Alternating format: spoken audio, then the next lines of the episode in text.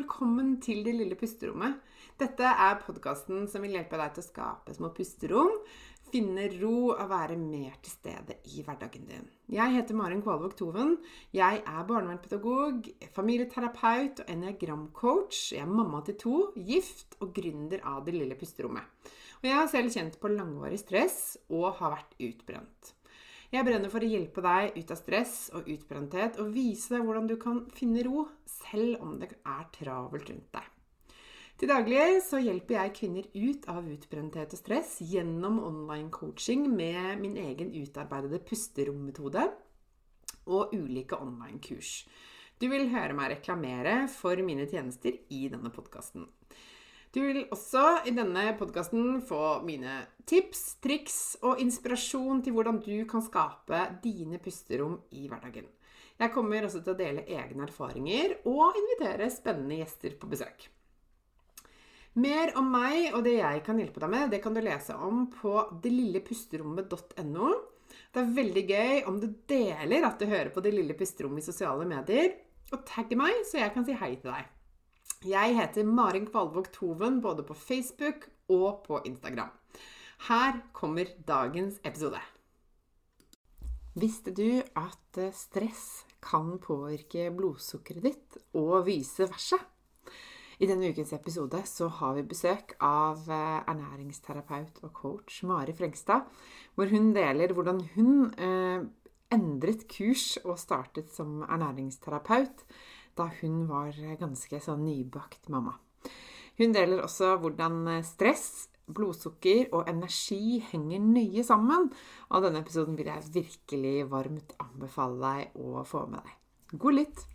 Hei, og velkommen til ukas podkastepisode. I dag så har jeg fått besøk av Mari Frengstad, som er ernæringscoach.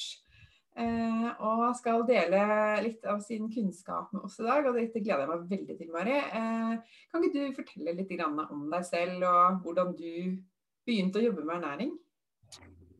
Tusen takk for at jeg fikk komme, først og fremst. Og, og ja, eh, jeg begynte min reise i ernæringsverdenen egentlig. Jeg har alltid vært superinteressert i sånne type ting. Jeg har vært veldig interessert i urter og alltid Men det har vært en hobby, da. Eh, så hver gang jeg ble syk, så ville jeg lese en annen bok og google litt, eller det her var jo før Google, men liksom lete litt for å finne informasjon. Men sånn som det begynte for meg, var at jeg bodde i London. Og jeg levde et ganske hektisk liv. Og så ble jeg gravid. Og når min da datter ble født, så hadde hun kolikk. Og i det det tok knekken på meg, rett og slett. Jeg hadde noen ja, det var uker og måneder hvor hun bare skrek 24 timer ut av øynene. Og jeg orket ikke å være hjemme med henne, og jeg var liksom, fikk ikke sove. Og jeg ble enormt stressa først og fremst, da. Eh, og det skjønte jeg ikke helt. Så jeg hadde sånne Jeg ble så sliten, så jeg måtte liksom holde energien oppe med å spise masse greier. Og det tenkte jeg ikke på da, altså, men jeg tenkte på det i ettertid. Og jeg begynte å få vondt i hender og betennelse i kroppen. Og altså, kroppen min sa fra da, på en veldig kraftig måte. Så på grunn av det så fikk jeg Jeg bodde liksom i Notting Hill, som er sånn ja, Det er jo utrolig mye sånne spennende terapiformer, og altså, folk er mye mer opptatt av å ta styring i eget liv, da. Fordi de lever også et liv hvor det er utrolig mye mer trøkk. Så det er en overlevelsesmekanisme. Så jeg hadde muligheten da til å liksom velge å vrake litt i ulike terapiformer, og noen sa hei, dette her er et ernæringsspørsmål. Altså hvis du er så sliten, og du liksom ikke klarer å ikke sant, sette deg ned i sofaen med en skrikende baby, og du klarer å sovne fordi du er så sliten, da uh, har det noe med liksom hvilket drivstoff da, du, du putter i det. Ja. Og det hadde de så klart helt rett i, fordi jeg kjørte på med hauger av kaffekopper og brownies og sjokolade, altså ting som ga meg rask energi da, hele tiden, og raske løsninger. Med en skrikende unge på én arm, så har du ikke tid til å lage liksom den perfekte frokosten. Da bare døtter du i deg det du kan, og kjøper ting på veien. Så alt rundt mat ble, var veldig stressende for meg. da. Så det var liksom starten på det. Og da fant jeg en ernæringsterapeut. Og så hadde jeg én time. En time hvor hun tok en sånn matintoleransetest på meg. Jeg hadde veldig mye vondt i magen også. Eh, veldig treig fordøyelse og liksom alt. Mye som ikke stemte. Mm. Og så fikk jeg lov da til å til å ta den testen, og hun bare var sånn soleklar to-tre ting. Og så, og så bare tok jeg det ut, og så ga hun meg noen enkle kosttilskudd. Og så i løpet av det var få uker, så forsvant den derre hoven fingrene mine, betennelse, vondt. Altså pluss at jeg klarte å regulere min egen energi. Så jeg plutselig gikk jeg fra å liksom være konstant litt sånn fysen og ha lyst på ting. Mm. Eh, og skikkelig behov for kaffe hele tiden, til å ikke ha det behovet. Ikke ha det i det hele tatt. Ja. Og da ble jeg bare sånn Det var sånn religiøs opplevelse. Jeg tenkte herregud, at man kan bare gjøre noen bitte små greier som egentlig ikke er noe Det tar ikke noe mer tid eller koster noe mer, eller det er ikke det det her går på. Det er rett og slett å vite hva min kropp trenger. Å være bevisst på det og kjenne på den greia at hvis jeg klarer å spise det her til frokost, sørge for at jeg spiser en bra lunsj, har en middags type middagsplan og de ingrediensene jeg trenger i kjøleskapet til middag, så klarer jeg å stå i dagen min på en bedre måte. Mm. Så jeg var bare sånn Dette her er jo helt fantastisk. Dette her har jeg lyst til å lære mer om. Jeg bare Med hun lille frøkna som da var ni måneder, da når jeg liksom kom i dette her, bestemte meg for ok, jeg legger min Eh, jeg jobbet i næringslivet i London med bærekraftig utvikling. Hadde egentlig en, på, på, på papir en drømmejobb. Og sa vet du hva, dette her kan jeg ikke. Jeg må lære meg mer om hvordan kroppen funker, og hvordan stress og hvordan handlingsmønstrene våre påvirker ja, hvordan vi har det, da. For det er i hverdagen vi er mest, og hvis vi har full tank og, som du vet veldig mye om, strategier og et riktig tankesett, mm. så lever man et helt annet liv. Ja. Amen. Amen. ja, det var kanskje det som gjorde at du og jeg også traff hverandre litt, fordi vi tenker så likt og snakker egentlig om de, andre tingene, de samme tingene, bare at vi har litt ulike, ulike områder vi fokuserer mest på. Det er, det, det som gjør det liksom veldig spennende, da. Ja, ja. Så det er det samme ene er det der metabolske, hva skjer i kroppen, hva trenger kroppen din og alt det der. Mm. Og så tok det meg jo ti år til. altså Jeg tok jo da fire år med utdannelse, tilbake på skolebenken, anatomi og biologi og kjemi og alle disse tingene det her, og fysiologi og alt liksom hvordan kroppen fungerer. Mm. Men også den terapielementet, da. At eh, jeg vedder for at du sikkert har prøvd en gang å liksom begynne på noe nytt noe sunt for kroppen din, og så sklir det ut etter et par uker. Mm. At de der, hva, Hvordan får man til varig endring? Altså Det har blitt noe som jeg er kjempeopptatt av. For det gjelder ikke liksom, å finne den beste løsningen hvis du ikke klarer å få det til. Du, må, ja, du må få det til. Og da trenger man noe verktøy. Ja, absolutt. Det gjelder jo uansett hva slags endring man skal få til. ikke sant? Altså, kjempeviktig. Ok, så, du, så, da valgte du å liksom skifte kurs og gå all in uh, på ernæringsfeltet. Så, så, hva gjør du i dag? Så jeg gjør jo fortsatt ernæring, men jeg har blitt en litt mer eh, coachete type. For i ernæringsterapi så er man veldig opptatt av å finne rot, roten til at man har et symptom. Altså har du vondt i hodet, så er det ikke det å ta en Paracet eller det er ikke det som er løsningen. Man må finne ut hvorfor. Er det noen hormoner som forstyrrer? Er det fordøyelsen? Er det liksom hvordan altså, kroppen kommuniserer? Er det stress? Er det blodsukker? Så det er liksom den, det som heter funksjonell medisin. Det er der den tradisjonen jeg kommer fra. Mm. Men så har jeg da oppdaget at det må mer til det må liksom en endringspotensial. Så jeg er veldig veldig opptatt av Der er jo vi møttes, da. Dette her med de gamle mønstrene i oss. Eh, tankesett, hvordan det påvirker oss. Mm. Så det å rydde opp i det er jeg veldig opptatt av. Så jeg bruker noe som heter tankefeltterapi. på å rydde opp i noen av de der tankene vi har. Eh, sånn at ting som ligger i underbevisstheten vår, kan få lov til å komme opp, sånn at vi kan gjøre noe med det. Mm. Og ting som er Altså de fortellingene vi forteller oss selv som kanskje ikke er helt presise, eller ikke støtter visjonen vår eller hvordan vi har lyst til å leve, at vi kan endre de litt, da. Mm. Så det er veldig noe av det mest effektive. Og det er derfor at grunnen til at jeg syns det er så effektivt, er for at jeg har erfaring med det selv, og det har jeg sett Jeg kjent det på kroppen, da. Så nå driver jeg noe som heter energikode. Så jeg hjelper folk å, å, finne sin energikode, sånn at de kan gjøre mer av det de digger. Rett og slett uten å sant, ha dårlig samvittighet, uten at det sklir ut, uten at det tar for mye tid, uten at det koster for mye penger.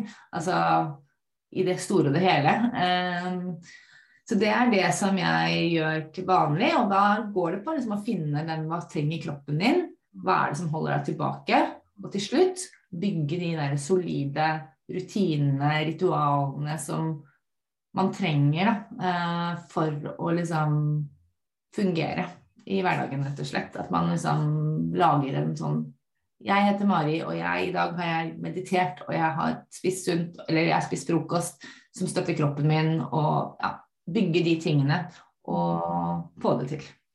Ja, ikke sant.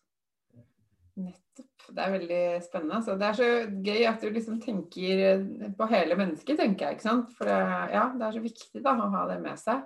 Mm. Og jeg er jo liksom litt nysgjerrig på dette med altså, eh, Jeg snakker jo mye om dette med stress, og det vet jeg du også gjør. og så og så lurer jeg på om du kan si litt om liksom Og jeg, jeg har jo selv erfart hvor mye kosthold har å si. Altså, jeg vet veldig klart hva jeg trenger for min kropp, og hva, jeg, hva som ikke fungerer så bra. Og jeg merker det, det påvirker så store deler av meg. Ikke, mm. ikke, bare fysisk, hvordan jeg føler meg fysisk, men mentalt, humøret mitt, eh, hormonene mine, søvnen min, alt blir så veldig påvirket. Jeg er så veldig sensitiv i forhold til dette med mat. da. Mm. Eh, og for eksempel sukker, som jo på en måte jeg eh, kan bli veldig påvirket av, f.eks. Det tror jeg mange kan kjenne seg igjen i. Eh, kanskje ikke alle, men mange kan kjenne det på kroppen. Og så tenker jeg på dette med blodsukker. Altså det å ha et stabilt blodsukker i løpet av dagen. Eh, tenker jeg vi må snakke litt mer om. Eller det er liksom For det har så enormt mye å si. Jeg har kjent det sjøl på kroppen, og jeg ser det på de rundt meg også. Kan du si litt om hvorfor det er så viktig? Det kan jeg absolutt. Og det er faktisk en av de første tingene jeg hjelper folk med. Og jeg har jobbet med masse forskjellige typer kunder. Jeg har jobbet mye med, tidligere med mennesker med eh, utmattelsesproblematikk. Og de kommer til meg, og de har både reist i utlandet og prøvd all verdens av greier og mener at de har prøvd alt. Mm. Og så sitter vi, og så tar vi opp Jeg har et skjema med 321 spørsmål, det høres veldig voldsomt ut, men det er, på, det er på en datamaskin som man bare trykker, sånn, trykker av, huker av. Og da får man jo et svar, eh, fordi der er det så mange, mange presise spørsmål rundt hvordan kroppen fungerer, og hva slags symptomer man har. Og det er så mange jeg har møtt som mener de har prøvd alt, og så kommer de, og så står at blodsukkeret deres er helt ute og kjører. Ja. De går i en berg-og-dal-bane i blodsukkeret. Eh, og da hjelper det ikke, ikke sant, med verdens fancieste løsning og de kjempedyre kosttilskuddene eller ikke sant? Alt det man kjøper seg greier. Det funker ikke. For blodsukkeret vårt er den tingen i kroppen som regulerer energien vår, rett og slett. Og hvis da du driver og er på en sånn berg-og-dal-bane, at man går opp og ned i blodsukker. Du har sikkert, så Det er et uttrykk mange bruker. Og har du lavt blodsukker. Ja. Ikke sant? Og man blir man litt sånn, På engelsk så syns jeg det blir beskrevet så mye bedre. Da sier man 'hangry'. Ja. Kombinasjonen av 'angry' og 'hungry'. Ja. Uh, at den der, Der kjenner mange seg igjen. Ja. Og de skjønner, noen blir jo ikke det heller. Noen blir bare veldig sliten. Ja. Gjesper litt, har lyst på en kopp kaffe, en snickersbar eller et eller annet å spise. Ja. Men hvis man går gjennom dagen Når man da spiser noe da, eh, på bunnen Når man er på, har lavt blodsukker, så går blodsukkeret opp igjen. Og så Det som skjer i kroppen, er at kroppen blir enormt stresset når vi har for høyt blodsukker. For det som skjer hvis det er for høyt for mye glukose da, i blodet, eh, så begynner organene våre å, å ikke fungere. Så den gjør jo da alt for at eh, blodsukkeret skal falle igjen. Mm. Så hvor høyere det er, hvor større er fallet, og hvor sli mer sliten føler vi oss da. Mm. Og det er jo da, når man er stressa f.eks., så er jo det også noe som skjer at Stress er jo en kjempefin funksjon. Eh, vi, er, vi må ha litt stresshormoner i kroppen for å leve. Men, men, det som skjer, er jo at når vi blir stressa f.eks når I går så skulle jeg sende masse barn på sånn sommerskoleaktiviteter. Mm. Eh, og det var litt mye. Og da kom jo de stresshormonene Altså for at jeg skal ha energi til å stå i og lage alle de matboksene og sørge for at alle er på med solkrem og gud vet hva, så kommer de stresshormonene til meg. Ja. Og det som, gjør, det som, automatisk skjer da, er at den, de sier nå skjer det masse, nå må du bare sørge for at du har nok energi. Nå må du ta alle sukkerlager i kroppen og bare sørge for at det er nok sukker i blodet ditt. Mm. Og da øker blodsukkeret. Ja. Så det er liksom Det er ganske interessant hvordan sånne små mikrodoser av stress gjennom dagen også øker blodsukkeret. Det er ikke bare hva vi døtter i oss. Nei. Ikke sant? Det er et godt poeng, og det vet jeg ikke om er så kjent nødvendigvis. At stresset kan øke blodsukkeret. Det er liksom um, fordi det, For meg er det mest logisk andre veien, liksom. At, eh, at, blodsukker som svinger opp og ned, kan skape stress i kroppen. Men at faktisk det kan gå motsatt. Det er jo en eh, ondartet spiral her. på en ja. Ikke sant. Riktig. Ja, det er jo kjempeinteressant. Og det er sikkert noen som fikk seg en liten aha-opplevelse, tenker jeg. Ja. Og det er litt sånn morsomt mange, veldig mange jeg snakker med spesielt. Ja, i år, i år så har det vært mange jeg snakket med som sier Vet du hva, jeg spiser så sunt. Og så kommer jeg hjem og spiser middag, og så går det en time, og så bare klarer jeg ikke å kontrollere meg. Jeg vil ha noe. Jeg vil noe godt. Ja. Man raider kjøleskapet eller skapet for et eller annet. ikke sant? Om det er is, eller om det er sjokolade, eller det er potetgull, eller om det er glass vin, eller det er et eller annet. Man trenger liksom et eller annet. Ja. Og jeg tror det er etterdønninger. Mm. Ja, det er én ting at det er etterdønninger av, av, hva man har spist i løpet av dagen, det tror jeg absolutt. Mm. Men det er også etterdønninger av hvor mye man har eh, stressa. Ja. Nettopp. Ja, på hvilken måte da, tror du? Altså Nei, hvis, du har, hvis, du har, vært en veldig stressende dag, mm. så tror jeg automatisk at du har holdt blodsukkeret ditt oppe ganske mye med stress. Ja. Og da når du setter deg ned og roer deg ned, så får du en enorm krasj. Ja. Og, og, det er nesten Det sies på folkemunne at den sukkercravingen når man har lavt blodsukker, nesten kjennes ut som liksom narkotika. Man har ikke ja, Man er på sånn Jeg skal ha én bit sjokolade. Skal bare én bit, liksom. Og så blir det en hel plate med sjokolade. Selv om du ikke vil. Det er det du vil. Det er ingen som vil spise en hel plate. Det tror jeg ikke. Men man bare helt blir litt sånn eh, jeg kaller det the want brain. Hjernen som bare vil ha ting. Dopamin. Det blir bare en sånn Man døtter i seg, da. Og det gjør jo jeg òg. Og det er jo morsomt, fordi jeg ser de dagene hvor jeg liksom Det har gått litt Altså, jeg har tre barn, og det er mye som skjer. Og hvis det er en dag hvor liksom noe uforutsett skjer, og jeg ikke får spist den lunsjen som jeg vil, eller og det blir litt ekstra stress, og ja, at det skjer et eller annet, så ser jeg at det, da havner jeg i det mønsteret, jeg også. Ja, så det er ganske interessant når jeg egentlig er veldig, jeg er veldig god på dette her. Har blitt det over de siste elleve årene jeg har holdt på. Uh, så ser jeg også at jeg faller inn i sånne fallgruver av og til. Hvis jeg ikke har de der gode rutinene mine, som jeg vet at hvis jeg gjør det her, så står jeg trygt på mine føtter, er liksom meg selv, føler meg liksom bra, da. Og hvis jeg ikke har de der rutinene på plass, mm så er det større sjanser at det sklir ut. At jeg går inn i en sånn person som jeg ikke har så lyst til å være. Da. Ja, men ikke sant, det du sier der jeg tenker er liksom interessant, for jeg pleier ofte å si det til både, altså egentlig alle som vil høre. At det, der, det er ikke noe gærent med deg. Det, dette betyr ikke, og apropos det du sier nå, det betyr ikke at du er svak, eller at det er noe gærent med deg. Men at eh, kroppen din fungerer akkurat sånn som den skal. Kroppen din reagerer på måten du lever livet ditt på. Og det sier jeg ofte til kundene mine også. at liksom, det, eh, Man kan bli liksom frustrert over symptomer eller plager eller utfordringer eller mangel på energi. Men er, vi må bare forsøke å forstå det. Hvor, hva, hva, er det et signal om? ikke sant? Og Det er jo egentlig akkurat det samme du sier. at Kroppen fungerer jo akkurat sånn som den skal, men den har ikke fått det den trenger. Eller den har ikke blitt lytta til. ikke sant? Og Da kommer disse reaksjonene uavhengig av om man da har den utdannelsen eller ikke. For det er jo samme med meg. ikke sant? Det er jo så, hvis jeg ikke tar vare på meg sånn som jeg vet at jeg trenger, med mine faste greier, så blir jo jeg også kjempesliten får kort lunte, får fysiske symptomer. Ikke selger, så, så det, dette handler ikke om å være smart eller flink eller, eller, god nok. Dette handler om at vi har lært oss hva som skal til for å få hverdagen til å funke og være i en slags balanse. ikke sant? Og så er det overlevelse ikke sant, fra kroppens mm. perspektiv. Og det sier jeg ofte til folk, at dette her er ikke snakk om at du har dårlig viljestyrke.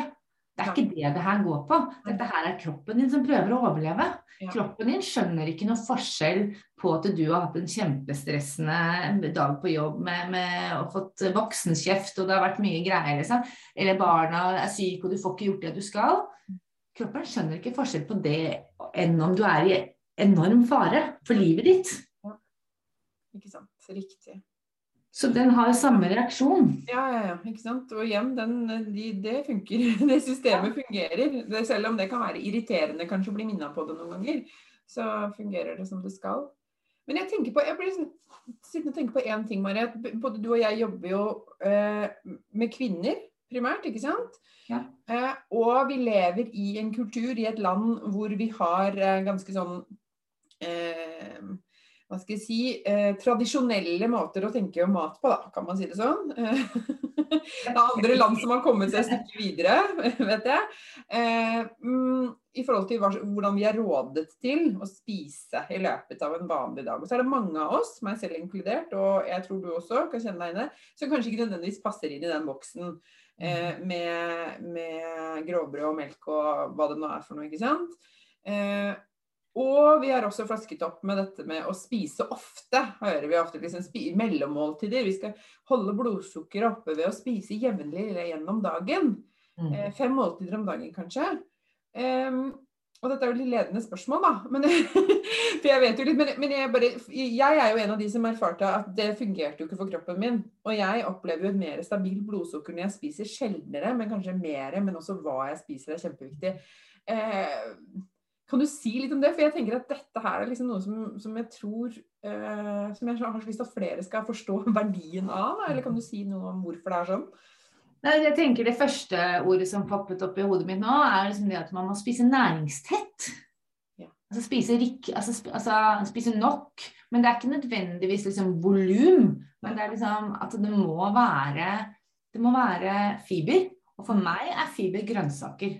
I grønnsaker er det så mye mer vitaminer og mineraler og antioksidanter og alt det der enn i korn. Og korn er jo et I fordøyelsesperspektiv så er den et molekyl unna sukker. Mm. Eh, det er i hvert fall sånn som jeg forstår det. At det er jo derfor mange blir veldig sliten av f.eks. å spise brødmat. Fordi når det blir fordøyet, så påvirker det blodsukkeret.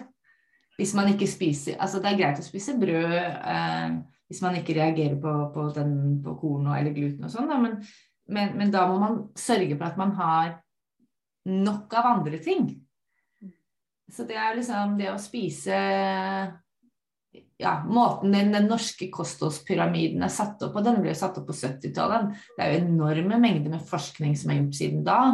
Og så er det jo også politisk, tenker jeg. Eh, det er jo liksom, Vi er jo en, en Vi lager, produserer meieriprodukter i dette landet. Det er en del sånne politiske hensyn man må, må ta. Så den tar jo ikke inn over seg det at du og jeg ser sånn cirka like ut, men kroppen vår trenger forskjellige ting. Så det er liksom Jeg er helt enig i at eh, ja, det å spise det kroppen trenger Så det å liksom utforske litt OK, ja, nå hopper jeg litt rundt her, men, men, men det er liksom på et typisk måltid, da. En tallerken er jo en tallerken. Og hvis du da hadde halvparten av det er grønnsaker, og så har du litt proteiner, en neve proteiner, så har du litt fett. Og så kan det være en liten pizza, eller sånn pizzaslice da, med den tallerkenen, som kan være stivelsesprodukter, ikke sant. Korn og, og ris og, og, pasta og den type ting. Men det er en bitte liten del av det. Mm. Hvis du spiser sånn, så plutselig så regulerer blodsukkeret seg automatisk. Mm. Ja, og igjen så handler det jo om å lytte litt til kroppen og liksom fange opp. Jeg tenker at det eh, går jo litt igjen i både hvordan du og jeg jobber. Det å forstå kroppen sin og forstå seg selv. Hva er det som funker for meg? Og anerkjenne det. Og tenke at ok, det er kanskje noe annet enn sånn jeg vokste opp, eller det er kanskje noe annet enn hva venninna mi gjør, eller, eller, sånn. ikke sant? Eh, og faktisk forsøke å lytte til det og se hva som skjer. For det er jo ganske mye kraft i å liksom Absolutt, men det jeg tror er vanskelig, og det kjenner jeg litt igjen i meg selv, da, eh, det er jo det at det er så treghet i systemet. Menneskekroppen har en treghet i seg. Så på en måte det å si at man ikke sant, Kanskje du Altså blodsukkeret kan jeg hos en klient, typisk klient jeg jobber med, får jeg regulert i løpet av en uke. Hvis vi liksom ja, det er ikke vanskelig. Man må bare vite hva man skal gjøre, og så må man en plan, og så må man vite hva man skal spise. Så det er liksom i løpet av et par sessions så er det liksom ordnet. Men så kommer liksom alt det andre. Det tar det så lang tid før man skjønner hva kroppen trenger. Fordi man har levd sånn så lenge. Mm. Så for eksempel, eh, et eksempel jeg har snakket om et par ganger. Jeg tåler ikke melk. Jeg har spist melk hele mitt liv og har alltid fått litt vondt i magen hver gang jeg har spist grøt f.eks. eller yoghurt eller sånn type ting. Og så har jeg hatt veldig mye betennelse i i fingre og armer og sånn. Og jeg har jo vært nysgjerrig og hørt om dette her før jeg liksom ble jeg falt inn i ernæringsfeltet. Og så har jeg prøvd én dag. Mm. Jeg prøvde to dager, kanskje. Mm. Nei, det funker ikke, sa jeg høyt. Og så ga jeg opp. Mm. Og så ble melk var jo en av de tingene hun, hun ernæringsterapeuten hjalp meg med å identifisere. Eh, basert på en veldig Det er en lang rekke av symptomer som forklarer det, da. Pluss at man kan ta tester om det er mye ting man kan gjøre. Men så ble jo jeg melkefri. Men jeg byttet automatisk melk med soya. Mm. Eh, og soya og melk ser ganske likt ut fra et kjemisk perspektiv. Så jeg liksom byttet ut pest med kolera på et vis. Eh, selv om jeg ble veldig mye bedre. Jeg ble liksom Altså, muskelsmerten min forsvant. Så det ble bedre. Men magen min ble ikke helt i, altså den funka, og, og, da tok det meg faktisk flere år til før jeg liksom var villig til å ta ut soyamelken også. Så det er på en måte det er, det, er det som er så skummelt, da. Eller det er ikke skummelt, men det er så mange som tenker liksom at det her funker ikke for meg. Fordi de, prøver, de velger ikke riktig løsning, eller de står ikke i problemet lenge nok. De har ikke den hjelpen da, eller den støtten til å ta de gode avgjørelsene. For de tenker liksom at det er sånn Ta litt melk, og så er jeg frisk i morgen. Men nei, det er ikke det. Melkeproteiner er i kroppen din i ti dager, det. Mm. Så det er ikke sånn alle, Hvis det er noen, amme, noen mødre her som har ammet, som har vært sånn nysgjerrig på sånn melkeintoleranse, melkeproteingreier, for der har jeg også vært. For det, hun skreik jo. Jeg skulle jo ha forstått det da, hun datteren min. Med kolikk og sånn. Uh, og da prøvde jeg jo melk og ta ut melk. Men jeg gjorde det sikkert bare i to dager. Ja, Så jeg tenkte jo ikke på at det Det visste jeg jo ikke, at det tok over ti dager før den ene cappuccinoen jeg drakk for å holde øynene oppe, det proteinet i den melken var i min kropp i ti dager. Og så går det inn i henne. Jeg vet ikke helt altså hvor lenge det ville vært i henne. Det er litt, ja, jeg har ikke sett noe forskning på det, men man kan jo tenke seg at det også de melkeproteinene vil være, være, i henne i en stund. Da. Ja. Tenk den ene koppen, koppen påvirker kanskje i 15 dager. Da hjelper det ikke å kutte ut melk i to dager og tenke at det holder. Så det er liksom eh, Det er liksom egentlig det jeg har lyst til å liksom dele, da. At ikke gi opp. Det fins noe der ute. Det er en løsning. Hvis man har symptomer, så fins det en løsning. Det er bare at du må Det er puslespill. Man må snu med brikke, og man må være tålmodig. Og da er det veldig godt å ha noen å holde i hånda, da. Ja, For det tenkte i hvert fall jeg. Ja. Ja, ikke sant. Jeg tenker det er så bra at uh, sånne som deg fins og kan hjelpe med det. For jeg tenker det er så mange som går rundt og har plager og strever med ting, og så, ikke, så oppleves kanskje som ikke de finner ut av det, ikke sant. Eller som at de har prøvd alt, som du sier, og så mm, ikke gi opp håpet. Ja, ja. Og det er det samme litt med blodsukker, da. At det er liksom Ja, det er ting som trigger blodsukkeret vårt. Og så tenker man at det, man har Altså, man, sitter, man, gjør det ikke lenge nok mm. til å kjenne på den derre um, mm. mm. Man gjør feil ting, eller ja. Ja, ikke sant. Og jeg vet i hvert fall med meg selv at hvis jeg spiser brød en dag, til frokost f.eks., så, så merker jeg det veldig godt på mitt blodsukker. Og at jeg blir mye mer fysen. ikke sant? For sånne cravings i løpet av dagen. Det har jeg forstått om meg selv. Så jeg vet at hvis jeg gjør det, så, så vet jeg hva jeg får. Ja, ja, Den dagen, altså sånn, det, det går sånn på en måte. Da blir jeg mye mer sånn derre lyst til å småspise, gå og finne meg noe, lyst på noe søtt. Liksom sånn småfysen hele dagen. Man er veldig sulten etter to timer. Ja, er du gæren? Ja, det husker jeg jo før. ikke sant? Jeg måtte alltid ha et mellommåltid klokka ti, liksom. Fordi jeg klarte ikke å holde meg til lunsj. Og, ja. Så det er jo noe med å begynne å legge litt merke til sånne ting. Ja. Og det er jo egentlig det beste tipset, da. Legg merke til når du er mest trøtt. Ja. Er, ja, og da liksom Altså, jeg har en uh, hormonquiz på nettsiden min som jeg kan dele i, uh, med dere. Men der f.eks. hvis da det kommer at blodsukkeret er oppe, det, eller høyt og lavt, så, så er det masse tips der i den uh, videoen som er lagd. Men, men eh, to ting du, du kan tenke på, er jo da den klokka ti, mellom 10 og 11, litt avhengig av når du spiser frokost, da. Men det er veldig, veldig mange som har lyst på noe der. Og så neste hva heter neste spor er sånn mellom to og tre. ja, ikke sant. Krig. Ja. Ja. Og så er det den kanskje hvis du spiser middag klokka fem, så kommer det en sånn i seks-halv sju-tiden også. Ja, Hvis det er sånne i hvert fall Dette er sånn typisk på de der norske kostholdsrådene med knekkebrød og havregrøt og brødskiver. Og, og, og svart kaffe. Ja, med sikkert noe frukt og grønt imellom også.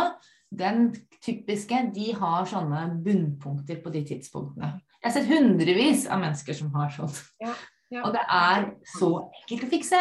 Ja, og jeg tror så mange sitter og nikker nå og tenker ja, der er jeg. Og det er jeg helt sikker på, og jeg har vært der sjøl og jeg kjenner mange som på en måte opplever det her. Og så tenker man at det er normalt at man bare må eh, ikke sant, bare spise litt jevnlig. Det tenkte i hvert fall jeg visste. Ja, det er jo blitt fortalt. Ja, ikke sant. Ja. Så det, så det å liksom lære seg da hvordan man ikke skal få den derre knekken, Mm. det er jo liksom noe av det første steget i det jeg kaller energikoden. da. Hva trenger jeg til å spise til frokost? Hvilke, to-tre oppskrifter funker for meg og min familie? Hva er en fin måte for meg å få i meg lunsj? Ja. Ja. Hva burde jeg spise? Hva, og gjøre det enkelt. Gjør det enkelt. tenker liksom lage Det her er ikke snakk om at du skal bruke timevis på mat. Det er å liksom finne de smarte løsningene og stå i det lenge nok sånn at det blir en rutine. Det er liksom mitt mål da. For eh, folk. Og det er det jeg trenger selv òg. Jeg ser jo det at med tre barn og sånn, så må man jo Ja. gjøre det enkelt. Jeg har ikke tid, jeg, selv om jeg koser meg egentlig på kjøkkenet, men, men jeg har ikke tid til å sitte og Mm. ja, lage mat. Og så bruker man så mye tid på de knekkebrødene også imellom. Tenker jeg at man liksom Ja.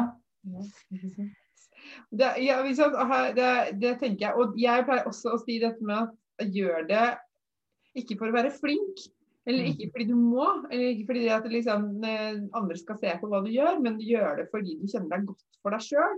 Jeg tenker at liksom, Når vi gjør ting av kjærlighet i oss selv, så er det også så mye lettere å, eh, å, å holde på gode vaner. og? Da blir det på en måte rotfesta i noen gode verdier, da. I stedet for sånn ytrestyrt eller det er litt viktig da å finne den greia. Her, her om dagen så hadde jeg en kunde som sa til meg Hun hadde bare jobbet, vi hadde hatt to-tre timer sammen, og så sa hun Jeg har så mye ekstra tid nå, for jeg har stoppet, og hun har ikke fysen lenger. Hun bare Hva gjør jeg nå med den tiden? Jeg bare, det er jo kjempefint. Kan ikke vi finne noe kjempespennende du kan gjøre med den tiden? Om det er liksom å lese en bok, eller liksom ringe en venninne Altså vi liksom lagde litt planer rundt det. Så tenker jeg liksom, Det er jo egentlig gaven her. i det du klarer å regulere din egen energi og ha mer energi, så blir man jo også mye mer effektivt i alt annet. Da, ja, da får du den derre overskuddet Ja. som du kan gjøre noe verdifullt med. Da, av det, det jeg kaller det du digger. Om det er det fotoalbumet som du aldri har fått tid til, eller om det er å trene med en venninne, eller om det er å lese en bok. Ikke sant?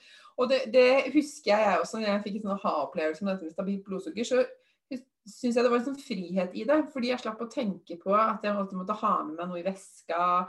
Eh, liksom, OK, når er neste gang det er, blir tid for mat? Altså Det blir en mye sånn avslappet holdning til det, Mm. og en frihet i forhold til tiden og fokuset. Trengte ikke å tenke så mye på mat lenger heller. Fordi jeg Mm. visste at jeg holdt meg mett og, og stabilt i blodsukkeret i flere timer. sånn at det, det var en sånn veldig sånn frihetsfølelse, syns jeg. da. Mm. Som jeg tenker også er med på å dempe stresset. ikke sant? Det der stresset med at liksom Å, guri, jeg kommer til å bli så sulten nå. Jeg kommer til å gå helt i kjelleren. Jeg kommer til å svime av i det møtet. Eller jeg, nå, nå skal jeg ut på farten, og da kommer jeg Å, hva skal jeg spise? Hvor får jeg tak i mat? Altså, ikke sant? Det er mye stress knytta til det også. ikke sant? Det blir veldig sånn negativt fokus på det også. Eh, Så det er mange ting som kan være med på Ja, da får man, ja. Det er veldig interessant det der med, med koblingen med stress og det opplevelsen av stress. Jeg tenker veldig mange som jeg har snakket med over årenes løp, det har endret seg. For nå er det liksom litt trend å ta vare på seg selv. mm. Er mer akseptabelt på et vis enn det det var. Men, men det er så mange som på en måte kobler dette her med, med å, å, at det er, så mye, det er så stress å ta vare på seg selv. Liksom, vi har ikke tid. Ja. Så det, det var en ting som ofte kom opp Ja. før, mer kanskje enn nå, da, eller jeg vet ikke om det er sant, da, men, jeg, men det er mange som liksom Jeg har ikke tid til å ja, jeg, jeg, Noen som jeg snakket med for en stund siden, sa til meg at hun ikke hadde tid til å drikke vann på morgenen. tenker jeg liksom, Det er jo egentlig ganske galskap. ja da, Eh, fordi altså, vann er jo også Vi er så mye vann. eh, og hvis vi ikke er nok vann i kroppen, så krymper hjernen vår. Det Blodet blir tjukke. Altså det er liksom ikke fungerer, da. Så da er man liksom prioriteringene er helt off. Ja, da er, det litt, eh, da er det litt å se på, for å si det sånn. Ja. Det liksom Ja, ja, men, men vi har jo også en sånn derre tro som jeg vet ikke Det kommer fra den industrielle revolusjonen eller noe. Sånn at vi er At vi tror at vi er maskiner. At vi bare kan ja, øh, At vi ikke trenger det påfyllet. da, At vi ikke trenger den kjærligheten for å bare sje- sjekke at vi er hele, hele tiden. Ja, ikke sant. At man tror at man har sånn Sånn som man, økonomien Også at man tror alt dette er økonomisk vekst helt til det uendelige. Men det kan ikke være det. Og sånn er ikke kroppen vår heller. Vi takler ikke alt. Det er liksom Kroppen vår sier ifra.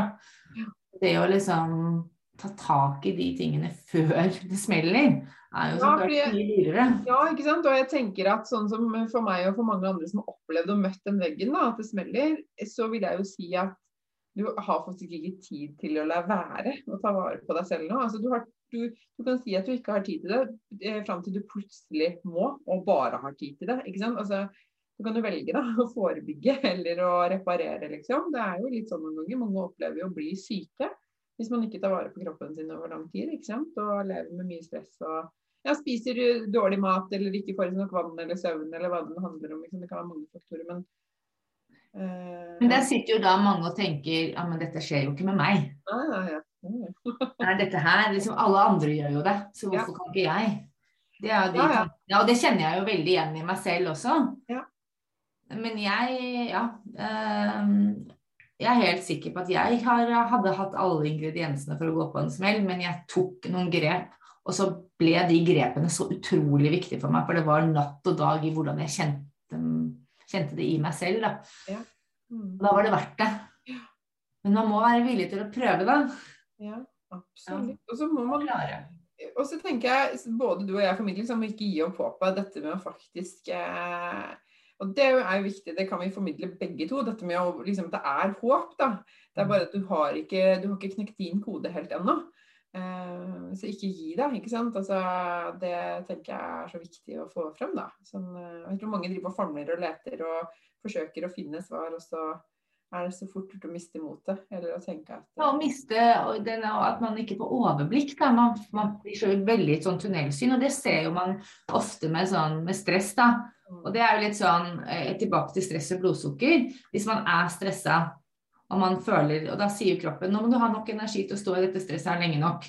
Og da blir det jo, da får man, når man er stressa, så skjer det jo veldig mye med nervesystemet vårt, inkludert at man får litt tunnelsyn. Man mister sidesynet. Så da sier jo kroppen sånn indirekte, da hyler den ut og sier nå må du bare få i deg noe som gir deg rask energi. Ja. Ikke sant? Og da velger man jo da eh, en kaffekopp eller en cola eller eh, brød, altså ting som gir litt sånn frukt eller noe sånt som gir liksom rask energi. Og det som skjer da, er jo da at blodsukkeret går opp, og så er det jo egentlig ikke det vi trenger. Vi trenger noe som gir sakte energi, som varer lenge. Så det at vi blir jo litt lurt av våre egne hormoner. Ja, ikke sant. Nettopp. Ja, kjempeviktig. Det er mye spennende her, Mari. Vi kunne snakket i timevis. Eh, men, men, eh, tusen takk for eh, at du ville komme. Dette var veldig nyttig og veldig interessant. Jeg er helt sikker på at mange lærte mye nyttig av å høre på deg. Og kan ikke du fortelle, du nevnte quizen din i stad. Si litt mer om den, og hvor vi kan finne deg for de som har lyst til å vite mer. Du kan gå på energikode og der er det en quiz som heter, den heter hormonquiz. Altså slash hormonquiz. Vi kan, legge linken her. Er sånn, det er en quiz, og du får noen du måler noen typiske hormoner som holder oss tilbake, som spesielt for kvinner. Da, for det er også altså, hormoner som går på eh, menstruasjonssyklus og den type ting, hvis du har PMS og den type ting. Og så, litt, så lærer du litt om det hormonet og hva du kan gjøre så du kan finne meg da på energikode.com eh, eller .no, eller på Instagram. Eh, og da heter jeg Mari Frengstad understrek nutrition. Yes. Ja. Go follow. Ja. Go follow. Ja, bare ta kontakt hvis det skulle være noe. Så... For du tilbyr jo én-til-én eh, coaching ikke sant? i forhold til det vi har snakket om i dag, og, og enda mye mer. Ja. ja. Så jeg gjør en sånn eh, ja, knekk, hjelper deg å knekke din kode. Og da er det det første fundamentet som jeg nevnte i stad. Hva trenger du? Hva trenger kroppen din? Det er liksom første steg. Og så er det liksom som du også jobber med, eh, Maren, med liksom de underliggende faktorene, hva som holder oss tilbake. Og til slutt, eller samtidig, i tandem, lage de gode rutinene som gjør at du blir det supermennesket. Eh, sånn at du kan få gjort alt det du digger. Da. Eh, det er liksom mitt Det er det jeg ønsker å gi til verden. ja, det er herlig. Det er så fint, altså. Veldig, veldig bra. Tusen, tusen takk for at du ville komme, Mari. Eh, og eh, følg Mari og sjekk henne ut. Det anbefales virkelig, altså. Eh, vi sier tusen takk for denne gangen, og inntil vi snakkes igjen, så får du ta vare på deg selv. Ha det! Dette var dagens episode. Jeg håper du likte den. Og hvis du gjorde det, så del gjerne i sosiale medier og tagg meg med Mari, at Maren Kvalvåg Toven, så kan jeg si hei til deg. Jeg blir så glad for sånne meldinger. Og følg meg gjerne også på Facebook og på Instagram. Du finner meg som Maren Kvalvåg Toven begge steder. Jeg ønsker deg en fin dag videre, og så snakkes vi igjen snart.